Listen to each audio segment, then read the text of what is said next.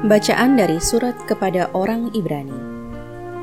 Sebab Allah bukan tidak adil, sehingga ia lupa akan pekerjaanmu dan kasihmu yang kamu tunjukkan kepada namanya oleh pelayanan kamu kepada orang-orang kudus yang masih kamu lakukan sampai sekarang. Tetapi kami ingin supaya kamu masing-masing menunjukkan kesungguhan yang sama untuk menjadikan pengharapanmu suatu milik yang pasti, sampai pada akhirnya agar kamu jangan menjadi lamban, tetapi menjadi penurut-penurut mereka yang oleh iman dan kesabaran mendapat bagian dalam apa yang dijanjikan Allah. Sebab ketika Allah memberikan janjinya kepada Abraham, ia bersumpah demi dirinya sendiri karena tidak ada orang yang lebih tinggi daripadanya.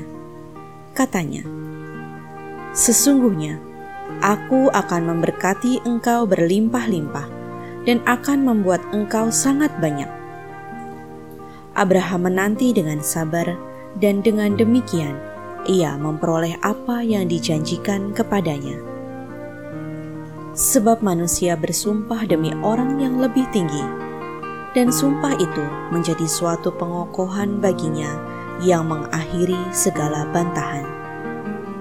Karena itu, untuk lebih meyakinkan mereka yang berhak menerima janji itu akan kepastian putusannya, Allah telah mengikat dirinya dengan sumpah, supaya oleh kedua kenyataan yang tidak berubah-ubah tentang mana Allah tidak mungkin berdusta, kita yang mencari perlindungan beroleh dorongan yang kuat untuk menjangkau pengharapan yang terletak di depan kita.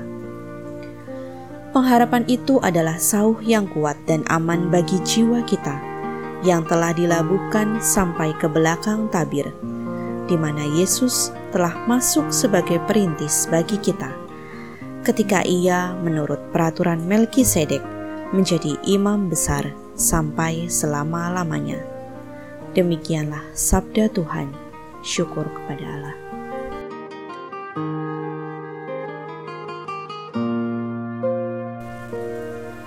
Inilah Injil Yesus Kristus menurut Markus. Pada suatu kali, pada hari Sabat, Yesus berjalan di ladang gandum, dan sementara berjalan, murid-muridnya memetik bulir gandum. Maka kata orang-orang Farisi kepadanya, "Lihat, Mengapa mereka berbuat sesuatu yang tidak diperbolehkan pada hari Sabat? Jawabnya kepada mereka, "Belum pernahkah kamu baca apa yang dilakukan Daud ketika ia dan mereka yang mengikutinya kekurangan dan kelaparan? Bagaimana ia masuk ke dalam rumah Allah waktu Abiatar menjabat sebagai imam besar, lalu makan roti sajian itu, yang tidak boleh dimakan kecuali oleh imam-imam?" Dan memberinya juga kepada pengikut-pengikutnya.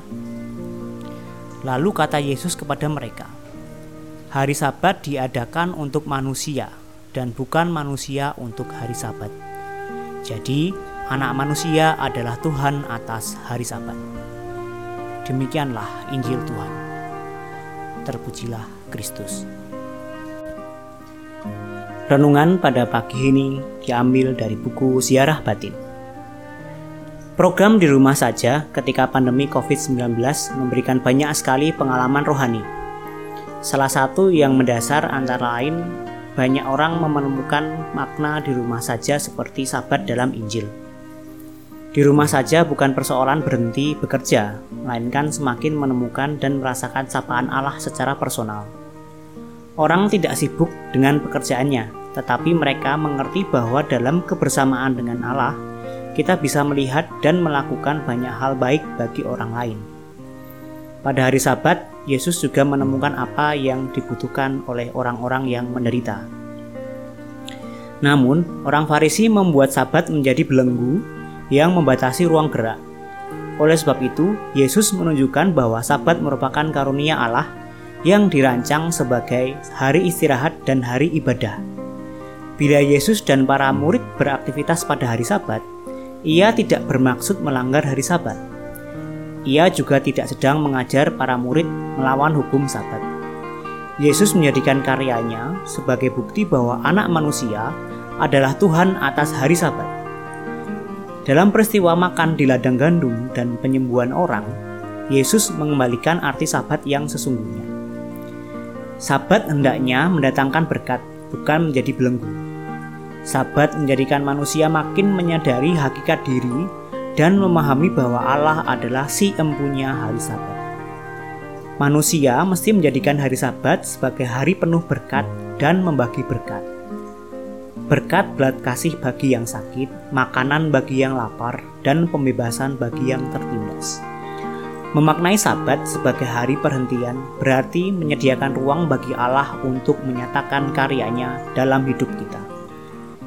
Juga ruang bagi kita untuk menumbuhkan kepekaan terhadap sesama. Allah yang Maha Baik, terima kasih atas kesempatan untuk boleh mengalami keheningan Semoga kami sungguh-sungguh semakin mengenal Engkau dan diri kami sendiri. Amin.